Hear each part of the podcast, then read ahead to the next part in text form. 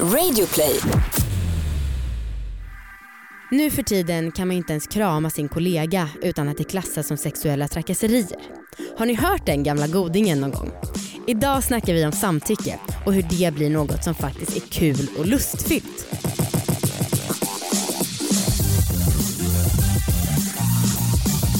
Hej allihopa och välkomna ska ni vara till succépodden Alla våra lägg! Hej, tack så jättemycket Amanda. Varsågod Anna! Det här är en, det här är en sex. Det här är en podd om sex, sexualitet och om att äga sina val. Mm. Och apropå det, ni är ju vissa som skriver hej kan inte ni hjälpa till att förmedla liggkontakter? Nej. Liggkontakter? Ja. De säger så här, kan inte ni hjälpa mig hitta tjejer eller killar? Aha, nej, Nej det går Nej. inte. nej, det kommer inte hända. Ehm, en person som ville ha liggkontakt, Mm. det var en kille som kom fram till mig igår. Jag satt på Hötorget och väntade på min kille och det gick fram en kille ehm, och jag hade precis avslutat en samtal där jag sa okej puss hej och då sa han puss till mig, han killen som gick förbi. Eh, så bara, ja, tack tack, eller ja, eh, hej typ. Eh, och då började han så här fråga hur ska jag göra för att få se dig, träffa dig igen? Mhm. På dirren gjorde han det. Det var det första han sa. Mm. Och jag sa, ah, jag är förlovad, sorry. Typ. Mm. Och då var han direkt där, eh, förlåt, förlåt, jag menar inget illa och jag vill inte att du tar illa upp. Jag ville bara säga att du har jättefina ögon, jag ville bara ge dig en komplimang och jag hoppas inte att du blev arg. Mm. Alltså han blev så nervös. Och jag Mm. hade inte sagt något otrevligt alls, jag hade bara sagt sorry jag är upptagen. Det som är så störigt är ju att det är det man drar till med upptagen. Det borde ju räcka med att du skulle säga jag är inte intresserad. Ja, Men det, hade, det är bättre att få ett snabbt avslut genom att säga Ja. att man är upptagen. men jag tyckte det var ganska intressant för jag har aldrig fått den reaktionen någon gång av någon som har raggat på en, att den har blivit liksom nervös Mhm. över att jag ska liksom, hur fan kan du komma hit och säga till mig att jag Ja, just det.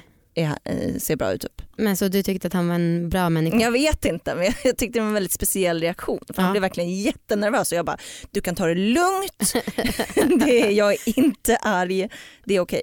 Han Mm. kanske var rädd att Mackan skulle puckla på honom. Ja det hade jag velat se. Eh, jag hade faktiskt också en person som raggade på mig. Jaha, Mm.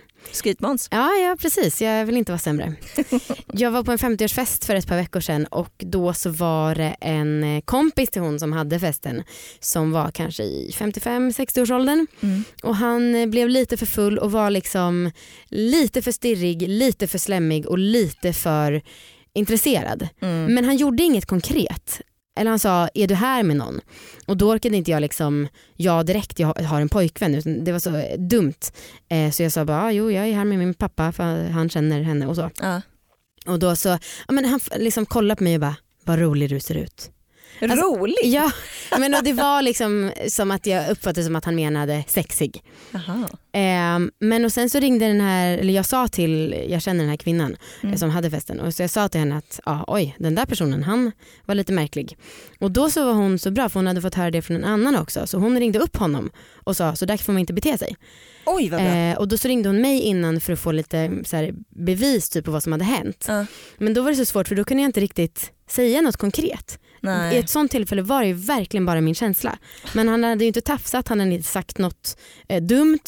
Det var bara hans uppenbarelse Mm. som visade att det var över gränsen. Ja, och jag känner igen det så mycket, Mm. folk som blir slämmiga och man kan inte säga någonting Nej. utan det är bara så som de är typ. Och sen- Ofta på fyllan. Ja, Ja. och jag tror att jag kanske inte hade brytt mig lika mycket om vi var mer jämnåriga. Mm. Eh, nu var det också lite så här pedofilkänslan. Oj. Eh, men om, ja, men jag Du vet att jag är 30. 30. Men, jag vet men det är fortfarande det känns så jävla märkligt när äldre, mycket äldre män raggar på en. Ja, jag fattar. Ja eh, men så den är ju svår att hantera. Ja. Ehm, det här, vi ska ju kanske ta in våran gäst. Ja, Vi ska ju ändå snacka om det här. ja, Lite så här samtycke. Ehm, strukturer kanske, ja, övergrepp, ja. hur man kan ta sig vidare om man har blivit utsatt. ja. Mm. Bra, snyggt paketerat. Bra, vill du välkomna? Hon heter Emma, hon kommer från föreningen Tillsammans och välkommen hit. Hej! Hej! Hej! Gull. Gull. Ja, det, så får man inte säga till gäster. Oproffsigt. Hade jag varit en man nu så... Verkligen, Ja. fy fan. Eh, vad är föreningen Tillsammans? Kan bara börja där. Ja, det tycker jag. Föreningen Tillsammans är en liten ideell organisation som arbetar för ett samhälle fritt från sexuellt våld och vi jobbar eh, på tre olika sätt. Vi jobbar med kunskapsspridning, opinionsbildning och stödverksamhet. Och jag är den personen som samordnar allt vårt stöd. Nice. Mhm. För, för ganska länge sedan hade vi ett avsnitt som handlade om typ så hur man kan få tillbaka sin sexualitet efter man har blivit, liksom, varit med om en övergrepp och så. Mm. Vad är liksom, hur ser du på det? Vad är, vad är dina erfarenheter utifrån liksom, föreningen? Mm. Ehm, jag tror att eh, dels är det en myt att man absolut förlorar sin sexlust om man har varit med om ett övergrepp. Alla reagerar på övergrepp på väldigt många olika sätt och det är väldigt Mm. viktigt att se, se att vissa får mera sexlust och vill ha jättemycket sex eller, eh, och andra får förlora sin sexlust på många sätt. Jag tror att man, om man är med om ett övergrepp så, får man på, så är det ganska vanligt att en sexualitet förändras på något vis för det är någon som så tydligt har kränkt ens gränser. Mm. Men det är klart att det går att få tillbaka sin sexlust om man vill ha tillbaka sin sexlust. Och det är en annan norm som ofta finns i samhället att man måste ha så himla mycket sex hela tiden. Mm. Man kanske inte vill ha sex och då är det också okej. Man kanske vill ha en annan typ av intimitet. Men om man vill ha tillbaka sin sexlust så tror jag att det handlar mycket om att först acceptera att min sexlust är förändrad och så får man utgå ifrån det och försöka hitta sina behov etc. etc. Men summan av kardemumman, en sexlust och sexualitet behöver inte vara förstörd utan det går att hitta mycket lust. Mm. Ja. En fördom som man kanske skulle säga, du sa att vissa kanske får mer sexlust efter ett övergrepp. Måste det då alltid vara för att det är självdestruktivt? Nej, det behöver det inte vara.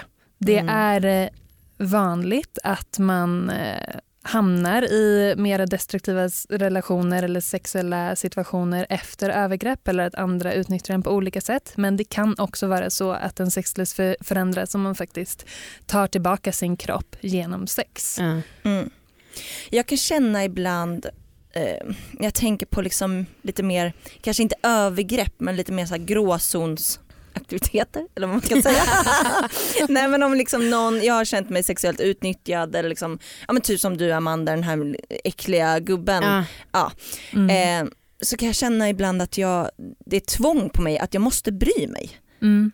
Alltså Ah, att så här, så, ah, fan jag kanske bara inte bryr mig eller typ Mm. så här, Att man typ måste bli arg. Ja, eller typ om jag har ehm, Alltså typ idag har jag en ganska tajt tröja på mig. Jag vet att liksom ehm, det kanske dras fokus till mina bröst. Mm. Eller typ som du Amanda, du, Mm. ja, bröstvårtor. Eh, där. Vi pratar om dig om jag får be.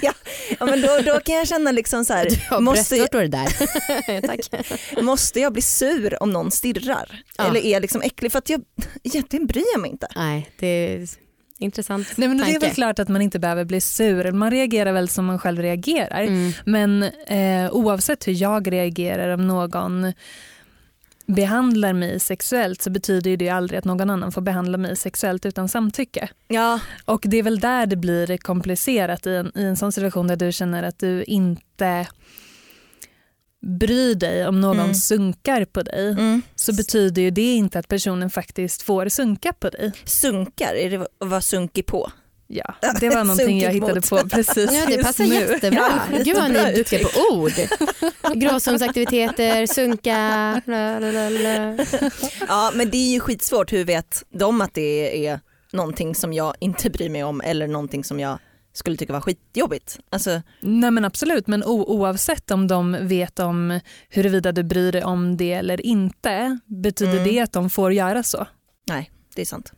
Eller betyder inte det att man ska faktiskt ehm, men till exempel så upplever jag att det är ganska sällan som man är på typ krogen och en kvinna, icke-binär transperson kommer fram till en och eh, börjar prata och inte förstår Mm. att nu pratar jag med min vän här. Ja. Medan en, män, en man Mm. väldigt många gånger kan insistera på att eh, fortsätta konversationen på ett jättetrevligt sätt men det Mm. betyder inte att jag är intresserad Nej. Ju, av att fortsätta prata och det är del av samma struktur som Mm. också gör att någon sunkar på en Ja. eller i längden faktiskt utsätter en för våld. ja. Åter till dina bröst. Det är också, nej men det är också så här, eh, bara den tanken. Eh, För att om någon tittar på ens bröst, du sa, det, Em- Emma du sa att det kanske inte, hur ska den personen veta att det är okej bara för att Anna inte bryr sig. Mm. Men det är också så här, hur måste det alltid vara av ett sexuellt perspektiv. Alltså måste man stirra på någons bröst bara för att det är sexuellt? Ibland kan man ju stirra på någons skor. Det är också det att brösten direkt Mm. blir, måste vara någonting sexuellt.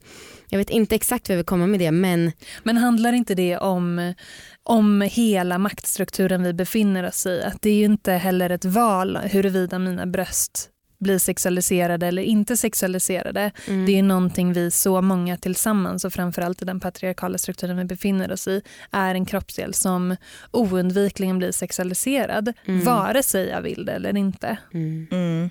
Men alltså på tal om strukturer eh, så har vi pratat en del om ditt tjatsex, Amanda.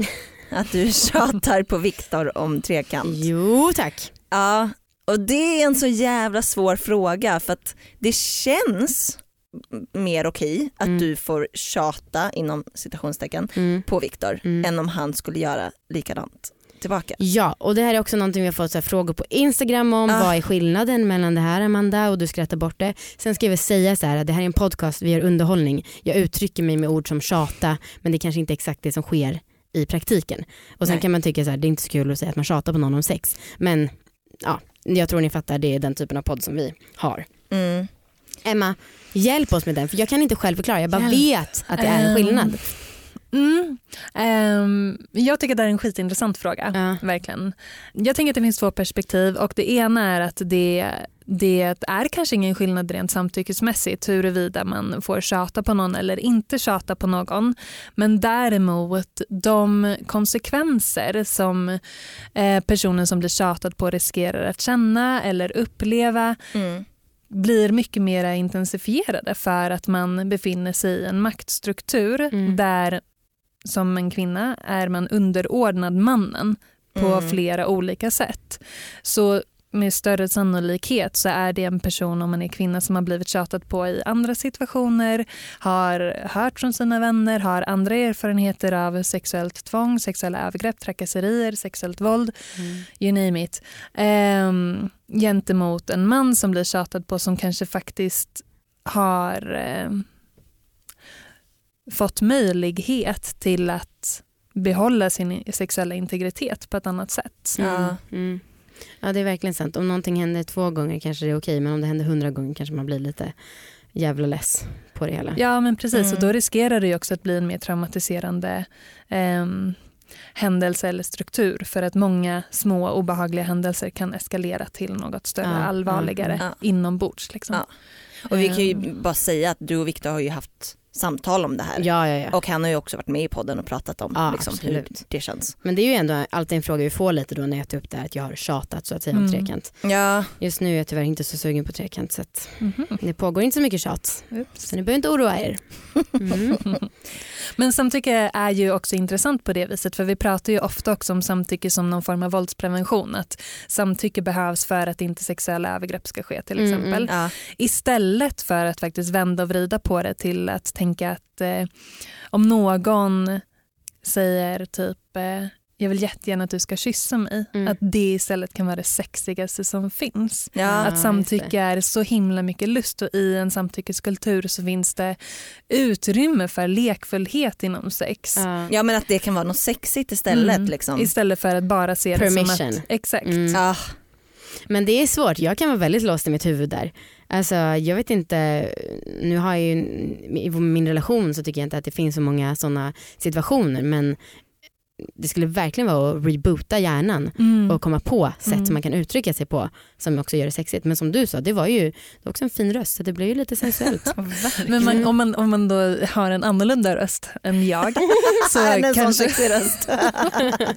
så kanske man också kan hitta andra sätt att uttrycka samtycke på. Det behöver inte alltid vara verbalt. Det handlar om att se kroppens signaler. Det handlar om att dra någon hand till sitt bröst. Det handlar om Ja. att också uttrycka sig med hela kroppen såklart. Mm. Liksom. Ja. Jag försöker tänka, på, eh, tänka att så här, men gud det är så enkelt men det är ju, det är ju uppenbarligen inte det. Det är så många. svårt. Nej vi fick ju den här kommentaren på Instagram ehm, som var en sak som har hänt i dagens samhälle är ju att en kille som vill ge en tjej en vänskaplig kram kan ses som värsta sexuella trakasseriet. Mm. Typ som att han var på väg att ta henne på brösten. Ja, och det är ju en klassisk kommentar Ja, som har verkligen klassisk. florerat överallt. Mm.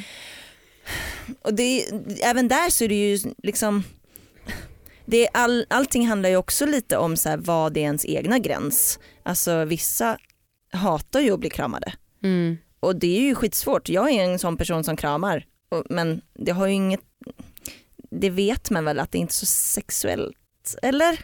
Men det kanske inte bara handlar om sexuellt. Jag tänker att samtyckeskultur handlar om så mycket mer än sex och att det bara skulle handla om sex i en förenklad bild. Mm. För att på många sätt så handlar samtycke också om att få sitt eget space och få eh, vara den man är helt enkelt. Och Ja. om jag är en person som inte tycker om fysisk kontakt, varför ska den personen som vill krama mig och bli nekad det ta det personligt istället för att känna ah, gud vad bra, den här personen vet sina gränser och, och liksom ta emot det på ett positivt sätt. Mm. Ehm, för oavsett om det är sexuellt eller inte så, så samtycker jag till att medverka i den här podden till exempel. Mm. Du är inte Ehm, här det är hela tiden IC-exempel. Men det är hela tiden en liksom överenskommelse som vi har med alla hela tiden. Eller som vi Mm. borde ha med alla hela tiden men Ja. som vi kanske inte riktigt alltid har. Ja, Och det är inte som att vi blir ledsna av att så här, vi måste fråga Emma om hon vill vara med i podden. Nej, men Gud vad precis. tråkigt att vi måste fråga Emma. det är som man kanske kan bli, gud vad tråkigt att måste fråga om jag får krama. Mm. Men det finns ju väldigt få saker som man blir så ledsen och stött över. Alltså som inte har med fysisk kontakt att göra. Mm. Ja men Får jag däremot, fråga dig om jag får fråga en fråga? Alltså, men däremot kan jag så här, om man går till kram då, att så här, om det kan man ju känna sig tvingad till ibland också. Mm. Alltså det tänker jag på typ Ja, när vi verkligen. träffar gäster och Mm. Amanda det här brukar vi prata om Mm. att om jag går fram till en gäst och kramar den Mm. för att säga hej även fast vi aldrig setts då känner du dig tvingad att Ja. krama den personen eh, fast du kanske inte hade tänkt göra det eller ville göra det. Nej precis. För då framstår jag som ett stelt as. Ja, Men, hur de känns kanske det- egentligen känns- tycker att du är påträngande. ja verkligen. Ja, precis. Ja, verkligen. Ja. Jag kanske ska gå tillbaka lite.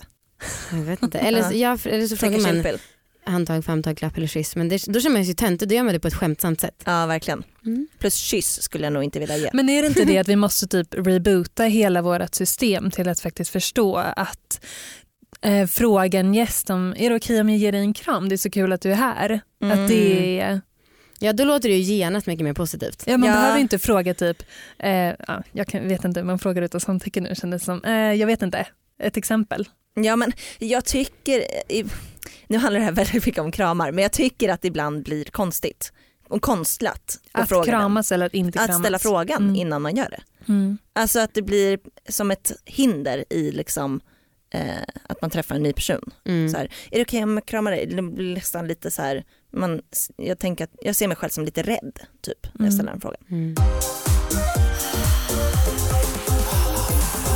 Kry är med oss den här veckan igen. Ja det är de. Härligt. Perfekt nu när jag börjar känna att jag börjar bli sjuk. Ah. Mm. Jättebra. Då ska jag, jag kanske kan ringa Kry om det blir värre. Ja. och eh, fråga om hjälp. Eh, Kry är en tjänst där man kan prata med sjuksköterskor, läkare och psykologer, liksom i sin telefon. Skit smidigt. Videosamtal. Mm.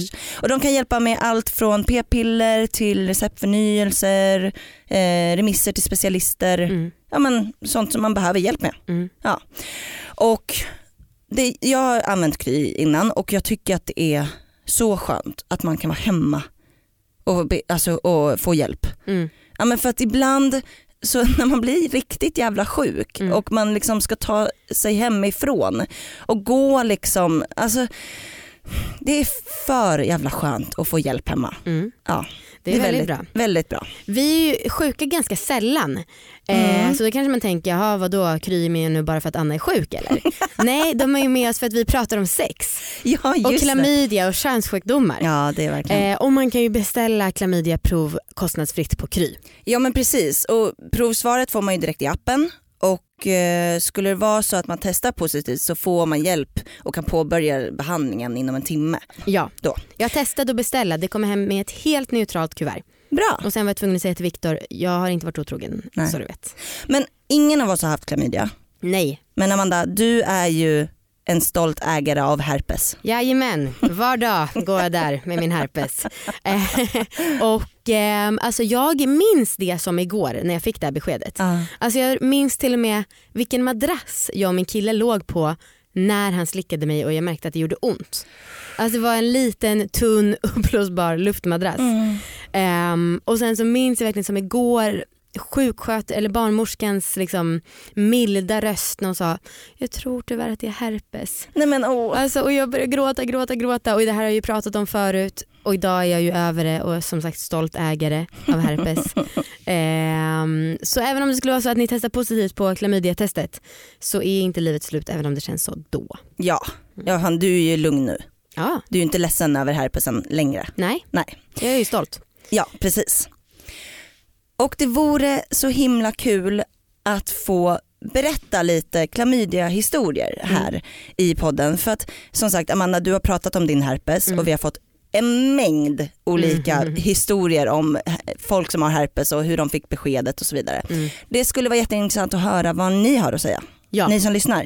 Eh, och kanske för att, så att vi kan läsa upp det så att någon inte känner sig lika ensam.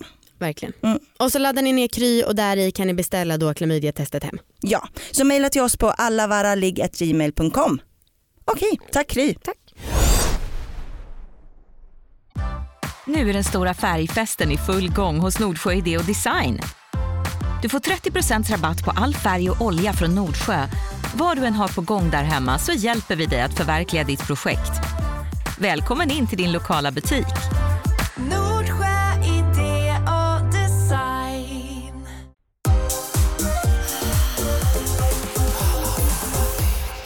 Vi hade ju med en gäst för ett tag sedan Mm. som eh, hade sex när han sover.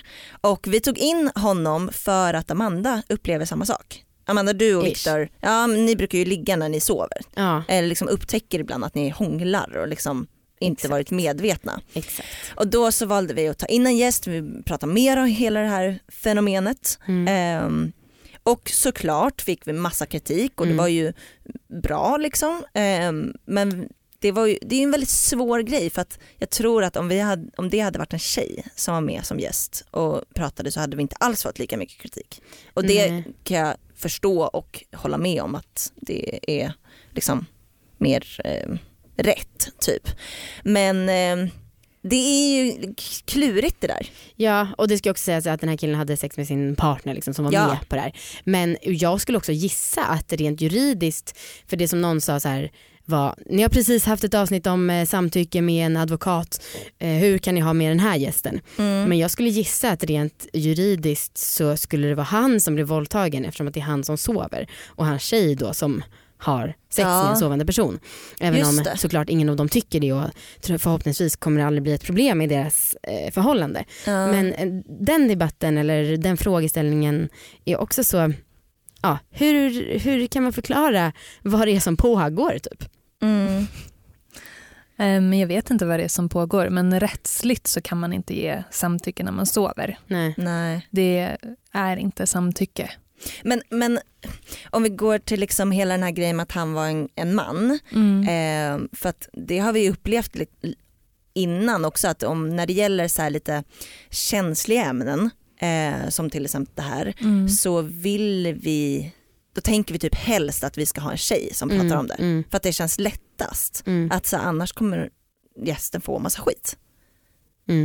Mm. Ja precis, vi spelade in med ett eh, par som hade köpt sex tillsammans och då Mm. valde vi att ha med kvinnan som hade köpt sex för att det skulle vara alldeles för märkligt att ha med en man som har köpt sex Mm. och nu släppte vi inte det avsnittet överhuvudtaget för det blev inte så bra men Men det är väl inte så eh, konstigt tänker jag att ehm, en man skulle få mera bullshit även om det rör sig om samma sak för att män är överordnade i samhället, mm, begår nästan alla sexualbrott Mm. som rapporteras och troligtvis nästan alla sexualbrott som inte mm, ehm, anmäls också.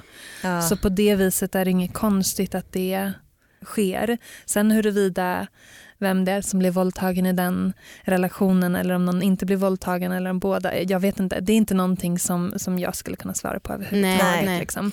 men det är en förklaring Ehm. till, varför, till varför det blir den typen av eh, kommentarsfält kanske. Mm. Ja, det tror jag. Jag tror att det är någonting vi måste tänka på hela tiden i allt vi gör och det är nästan utanför vår förståelse hur mycket mycket den könsmaktsordningen faktiskt spelar in på Mm. allting vi gör hela tiden. Liksom. Ja.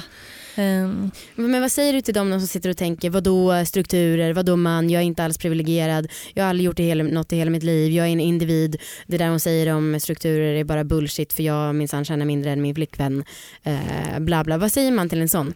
Eh, för som blir ändå är nästan alla Ja, som jag har pratat det- med har- ja. känner ju någonting av det där. Mm. Exakt och det blir väldigt lätt en väldigt hetsig debatt som eh, jag är så jävla less på. Eh, men ändå vad säger man? För att vi fattar ju exakt vad du menar. mm. Men mannen, den individuella mannen i fråga kanske inte gör det. Ja, nej jag vet inte. Jag tror att män måste eh, ta ansvar för varandra. Mm. Som kvinnor, icke-binära transpersoner så kan vi aldrig ta det ansvaret för män. Män måste bli förebild för varandra, utbilda varandra och fundera på vilka normer de reproducerar när det kommer till kön och sexualitet och Mm. hitta andra identifikationer än kanske just med ehm, ja, hitta flera typer av identifikationer helt enkelt som de kan känna, känna någonting med. Mm. Mm. Men män måste göra det arbetet. Jag tror inte att vi kan göra det arbetet.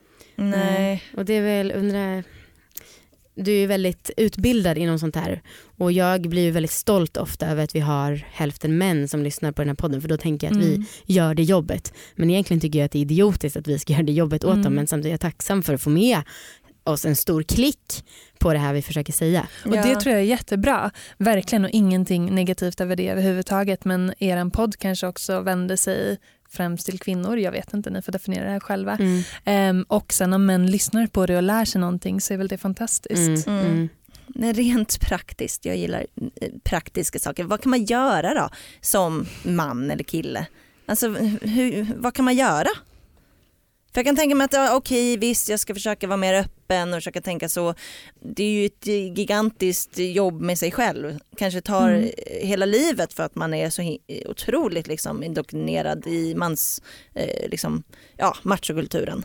Mm. Men finns det några så steg? Ingen aning.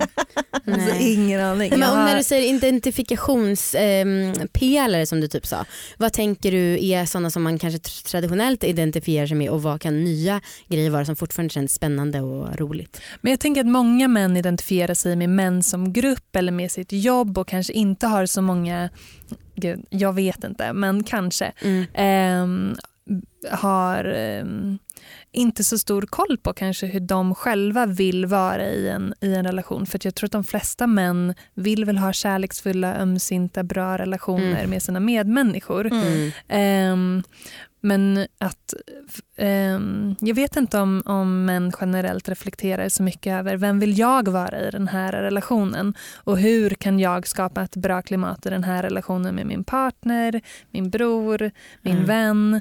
Men vem vill jag vara som, in, som är liksom lite bortom för den här äh, maskulina normen eller maskulina kulturen där män identifierar sig nästan enbart med andra män. Liksom. Ja. Mm. Fick ett sms av min kille igår, han jobbar ju som psykolog, där hade de en utbildningsdag. Självmord är främsta dödsorsaken hos män mellan 15 och 44 år. Det är sex gånger vanligare än trafikolyckor. Alltså det är, Det är helt galet. så jävla sjukt. Ja. Äh, Mm. Vi har en ny sponsor Ja, och det är Ung Cancer och deras informationskampanj När får jag ligga igen? Ja det undrar man ju. Ja, Eh, alla vet ju vad ung cancer är. mm. Ja. det tror jag. Det Framförallt så har man ju sett de här fuck, eh, fuck you-armbanden tänkte jag säga. Här cancer. Fuck cancer-armbanden. Ja men precis. Mm. Och det är så himla fint att de ville sponsra oss och att de har den här kampanjen. Mm. För att jag, när jag tänker på cancer så tänker jag kanske främst på överlevnad. Ja, Vilket jag tror att många tänker. Mm. Och kanske inte så här, hur ska jag ha ett rikt sexliv Nej, om jag väl har fått beskedet eller om min närstående har fått beskedet. Och det är ju någonting som man ändå behöver prata om. Ja, verkligen. För att livet stannar ju inte. Förhoppningsvis, även om Nej. det också gör det kanske. Ja det gör väl det på ett sätt säkert. Jag har inte cancer så jag vet inte. Men ehm, jag, jag tänker på, för jag, jag har en kompis som har ett emergency kit hemma. Som hon har Mhm. sparat ifall det skulle bli zombieinvasion, jag vet inte. Är det Amanda? Nej det är inte du. Nej. Eh, det är en annan kompis. Mm. Hon har det ifall det liksom skulle bli strömavbrott eller något sånt. Och då har hon sparat lite grejer som är bra att ha Mm. då. Eh, vatten och en radio och en filt typ. Men så har hon också sparat vin och choklad. Mm. Och jag tycker att det är så härligt eh, för att hon vill liksom inte att livet ska bli sämst bara för att det skulle bli någon slags ja, Armageddon i Mm. världen. Mm. Och det här är kanske en far, far reach Ja, koppling till långdraget. cancer men, men jag tycker ändå att ja, man har ett sexliv trots att man kanske har en sjukdom. Om man vill ha det. Ja men precis. För att det verkar ju vara så, de har liksom två sexologer som hjälper medlemmar att svara på frågor och en av de frågorna som de tog så här som eh, exempelfråga Mm. det var mina kompisar tycker att jag borde vänta med att börja dejta igen. Är det verkligen så fel att vilja hångla när man har cancer? Ja. Eh, och det här är ju verkligen en fråga om att äga sina val och så här, göra det man själv vill. Ja men verkligen. Eller typ om man är närstående eller liksom partner till en person som har fått beskedet. Mm. Alltså så här, hur, det var en fråga så här, jag vågar inte ens röra honom längre. Nej. Liksom, går det ens att krama honom utan att göra honom sjuk? Mm. Det, man, känner verkligen, eh, man kan verkligen förstå att man har sådana funderingar i Aha. huvudet. Och skönt att kunna ha någon att prata med. Jo tack. Mm. Ehm, så vi tycker bara att det är jättekul att Ung Cancer sponsrar oss och Mm. den här kampanjen känns verkligen viktig. Även om det inte har med själva liksom överlevnaden att göra. Precis. Eh, man kan läsa mer om den på deras hemsida som är ungcancer.se. Och eh, Ung Cancer, om ni inte visste vad det var från, sen tidigare så är det alltså en ideell medlemsorganisation och de stöttar alla unga vuxna mellan 16 och 30 som har fått cancer eller som har någon närstående som har cancer eller har haft. Mm. Och det är gratis att vara medlem. Jättebra. Man kan också läsa på deras Insta, där heter de Ung Cancer. Och tack. Tack! Jag tycker också att det snackas ganska mycket om att kvinnor, många kvinnor ljuger. Eh, kan vi inte bara få lite, kan inte du ge oss lite statistik? Typ? Eh, vad, vad säger statistiken om liksom, övergrepp Mm. liksom, mellan könen? Ehm, och finns det någon som helst sanning i att kvinnor skulle ljuga ja, om att blivit våldtagna? Ja, det är en Mm. skitdum fråga men du fattar vad jag menar. Ehm, men en av tre tjejer på gymnasiet har under det senaste året blivit utsatta för någon typ av sexuellt övergrepp. Eh, 98 procent av de som har varit med om sexuella övergrepp är kvinnor. Mm. Mm. Efter ett övergrepp så mår du ofta väldigt dåligt. Du kan få depression, ångest, PTSD, massa olika stressfaktorer.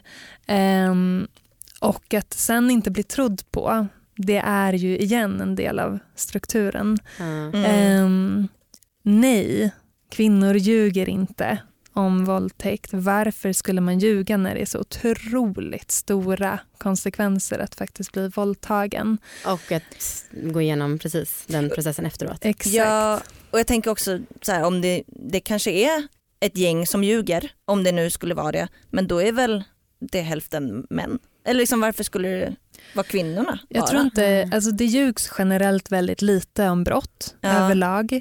Ehm, och jag vet inte, det är helt enkelt inte sant att kvinnor ljuger mer än någon annan men däremot så är det sant att i strukturen av s- sexuellt våld och sexualiserat våld så, så finns det mycket myter och en av de myterna är att kvinnor ljuger om att bli våldtagna för att Ja. få uppmärksamhet till exempel. Etc, etc. Men ehm, det är svårt att ta på hur mycket sexuellt våld som faktiskt sker i samhället. Mm. Det är så otroligt mycket så att det är kanske inte är så konstigt att män vill försvara sig genom Mm. att säga kvinnor ljuger. Men okej, men eftersom att det är så många som har varit med om någonting på som gymnasiet, jag vet också att du skickar annan statistik som visar att det är väldigt många som har varit med om någonting. Eh, det är ju troligt att eh, en partner träffar någon som varit med om någonting. Mer eller mindre allvarligt. Eh, vad eh, ska man tänka på som partner? Men framförallt kanske i en heterosexuell relation där man eh, eh, på något sätt återspeglar den maktdynamiken som en person som har varit med om ett övergrepp, de flesta kvinnor, Mm. har liksom upplevt en gång så tror jag att det är extra viktigt att våga eh, bryta ner sina egna föreställningar om vad sex är, det vill säga penetrativt ofta, eh, hur ofta man bör ha sex för att ha en bra relation och andra sådana saker. Eh, och eh, verkligen, verkligen fokusera på att att eh, finnas där för den andra personen och lyssna in. Vad är det du behöver? Behöver du att du är den som tar initiativ till sex Mm. nu tills att du känner dig trygg? Betyd, behöver du att vi bara har kyssex i en månad innan vi går vidare? Att våga ta det lugnt och våga lita på att, att eh, det inte betyder att man tycker om varandra mindre, är mindre kåta på varandra Ja. eller vad det nu kan vara. Skit, skitsvårt verkligen. Eh, Mm. Men eh, det, det känns som att det är en bra grej att göra oavsett Ja, det tror jag. om man är med någon som blivit utsatt. Ja, jag skulle känna att jag vi två skulle behöva ha lite coaching i hur man blir Alltså, vi vet ju att sex är mer saker men kan lätt fastna i det att det ska vara penetra- penetrerande Ja. och också att men, jag, är ju, jag har ju en ny regel för mig själv varje dag jag ska förhålla mig till det här med sex. En dag har jag regeln att jag inte ska tänka på sex på en månad för att jag blir så orolig snabbt om det har gått några dagar innan efter jag och Victor haft sex. Alltså jag har massa olika förhållningssätt hela tiden. Jag skulle bara behöva chilla. Men det är asvårt. Kan Men så jag- sätter du en regel för dig själv att Ja, du ska chilla. Exakt. Det, exakt. alltså, det är motsatsen till att chilla faktiskt. Gud, ja. eh, men hur, hur gör man då om man är som jag som faktiskt paniskt någonstans strävar efter att eh, sexet är det som... Nej, men jag tycker att det inte är något konstigt. Eller, det finns nog tyvärr ingenting unikt i liksom den, Mm, det förhållningssättet alls. Ehm, för att vi har växt upp med en väldigt stark penetrationsnorm. mm, Mm, men jag vet inte, jag antar att det är först och främst måste man väl bestämma sig för att man vill skapa den förändringen. mm, Mm. Vilket är ett steg för att kanske så tycker man också att det är fett med penetrationssex Mm. och det kanske är den typen av sex man vill ha men man kanske samtidigt känner att man borde sträva för någonting annat. mm. Så kan det ju också vara.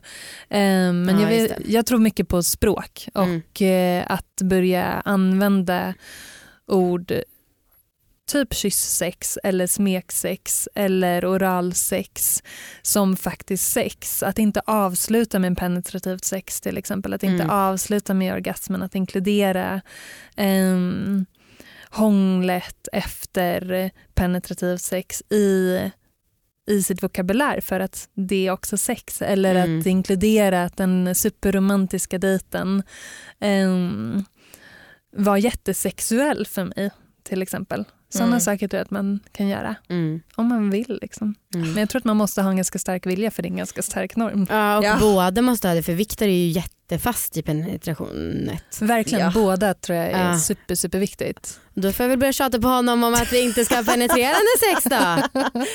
Ja, men Yes. jag, alltså jag, jag tar till mig det här som fan för jag tycker att när jag har föreslagit det så känns det som att jag skådespelar. Mm. Ja, Eller att jag leker en lek. ja.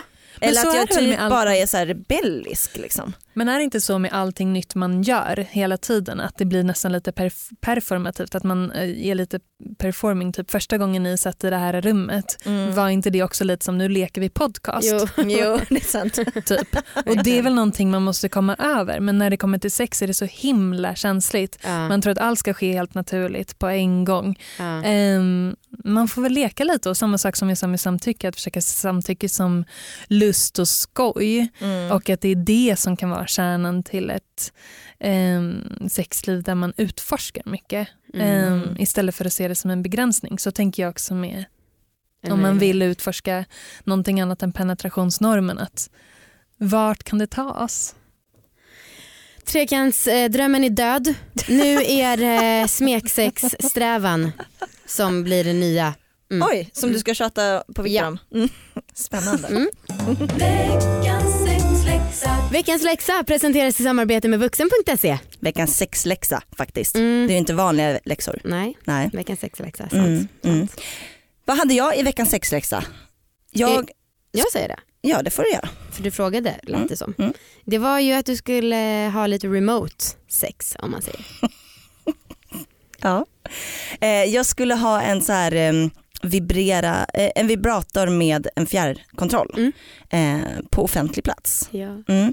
Det har jag gjort Ja. och jag måste berätta om den här upplevelsen. Ja. Eh, för att jag skulle träffa upp Marcus efter jobbet och jag skrev till honom, jag har en liten överraskning. Mhm. Och jag gör kanske det lite för ofta för han, han blir så här, oh wow, wow, wow. Så måste jag alltid direkt säga, det är ingen stor överraskning. Nej, okej, Så att han inte får eh, förstora förhoppningar. Eh, nej men så träffades vi upp och och eh, jag visade att jag hade med mig en sån här remote vibrator eller vad det heter. Nice. Och vi skulle gå på bio. Ah. På kvällen. Ah. Ehm, och då visste jag Amanda att du också skulle gå på bio, se samma film ja. Eh, med Viktor. ja, samma biograf, samma tid. Exakt. Eh, Men jag tänkte så här, vi bokade eh, platser och tänkte alltså det finns ingen risk att vi hamnar nära varandra för den är en jättestor biograf. Många, många platser. Ehm, Mm, så satt vi där, jag hade gått in på toaletten och lagt då vibratorn i mina trosor Mhm. Och så klappade du mig på ryggen tror jag för att då skulle ni sitta typ bakom oss, du och Viktor. Och det kändes sådär, för ni frågade också, ska vi sitta här Ja. precis liksom bakom oss? Då kände jag att nej, vi vill ha lite ensamtid.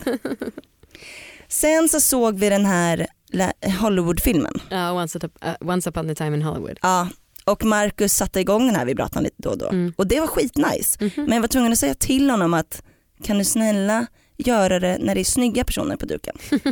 För han gjorde det bara när det var gamla gubbar och då kände jag att nej, det förstör liksom. Det är inte Ja. så sexigt. Men det var faktiskt skitnice. Bra. Ända fram till att jag hade råkat göra något, liksom knöggla till det så att jag hade Ah. råkat stänga av vibratorn Jaha. efter ett tag. Det är för att du är så himla stark. Fittmusklerna bara Nej kniper men det var inte i, åt. den var i lugg- låg Ja, i jag vet, trosorna. men ändå det bara pulserar ut dina vibrationer från. Ja men det var i alla Pussy. fall jättenice och jag kom ihåg så här, men gud jag älskar ju det här. Bra. Jag tycker att det är så jävla nice, jag ska ha det varje gång vi går på bio. Oj. Ja. Hur ofta går ni? Eh, oftare nu förhoppningsvis. Ja precis. Ja men vad kul för dig. Ja, nej men så jag har klarat läxan, helt klart. Skönt, det var dags att någon klarade. Ja. Ja. Men eh, ja, jag kommer göra det igen helt klart. Mm. Mm. Om det är så att ni vill eh, köpa vibrerande fjärrstyrda vibratorer, Ja, som kallas ägg av någon anledning. ja precis, då kan man ange koden tjolahopp Mhm. på vuxen.se. Yes. Alltså TJ Oh. O-L-A-H-O-P-P. Ja. Ja. Eh, och då får man 15% rabatt på deras kategori vibrerande ägg och kulor. Skitbra. Ja. Jag älskar ju det här. Ja. Ja, jag Ja, det tycker är att det är sexigt. skitnice. Mm, det är sexigt som fan. Men okej, och jag ska få en läxa. Ja det ska du. Mm. Vad vill du ha?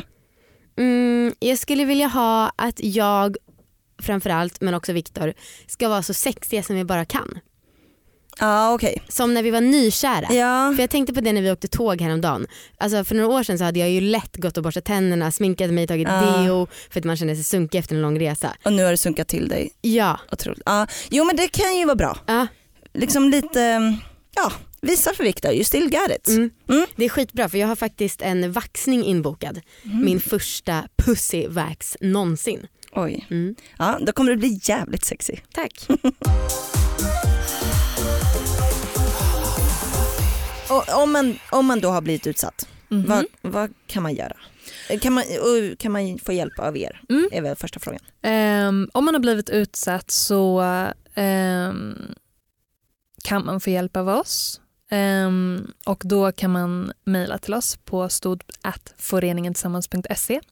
Jag upplever ofta att många stödsökande behöver hjälp på flera sätt och vi är en del av det stödet. Vård, familj och vänner är ett annan del men ofta så tar det lång tid och det kan vara viktigt att komma ihåg. Men det går också att må väldigt mycket bättre och det är också viktigt att komma ihåg. Vad kan man få för hjälp då? Att få någon att prata med? Liksom? Ja, precis. Vi har eh, stödgrupper i Stockholm eh, och vi har ett eh, mentorskapsprogram där man får prata med en annan person som har varit utsatt i upp till ett år på chatt. Ja. Och det kan man få tillgång till i hela Sverige. Allt vårt stöd är gratis och vi har tystnadsplikt.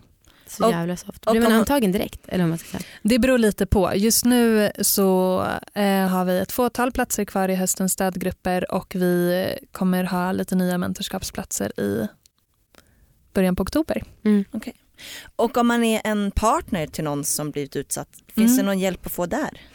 Det har jag lite sämre koll på. Jag vet att det finns en annan ideell organisation som har anhörighetsstöd och det finns en förening som jobbar just specifikt med anhöriga. Ja. Och sen akutvårds, eh, akutvården för våldtagna på Södersjukhuset har föreläsningar för anhöriga och så. Det Okej, är ganska efterfrågat men jag har lite mindre koll på det.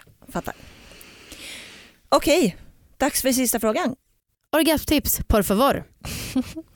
Eh, mitt orgasmtips är att eh, lära sig att ett nej inte betyder nej till hela akten utan att nej kan betyda nej jag vill inte det här just nu för att då får kroppen tid på sig att bli kåt och få stånd eh, att allt blod får strömma till den tiden, den platsen det vill vara och alla nerver blir känsligare och då blir orgasmen bättre.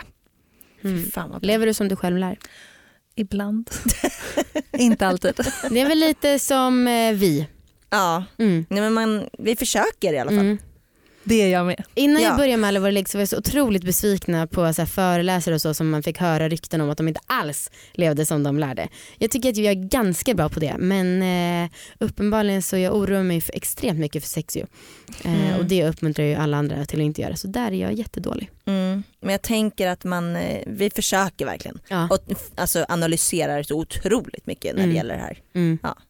Så att man kan inte göra bättre än så kanske. Jag hatar sex. Hej då Emma och ni andra och tack för att du var med oss idag. Mm. Tack så jättemycket. Hej då! Hejdå!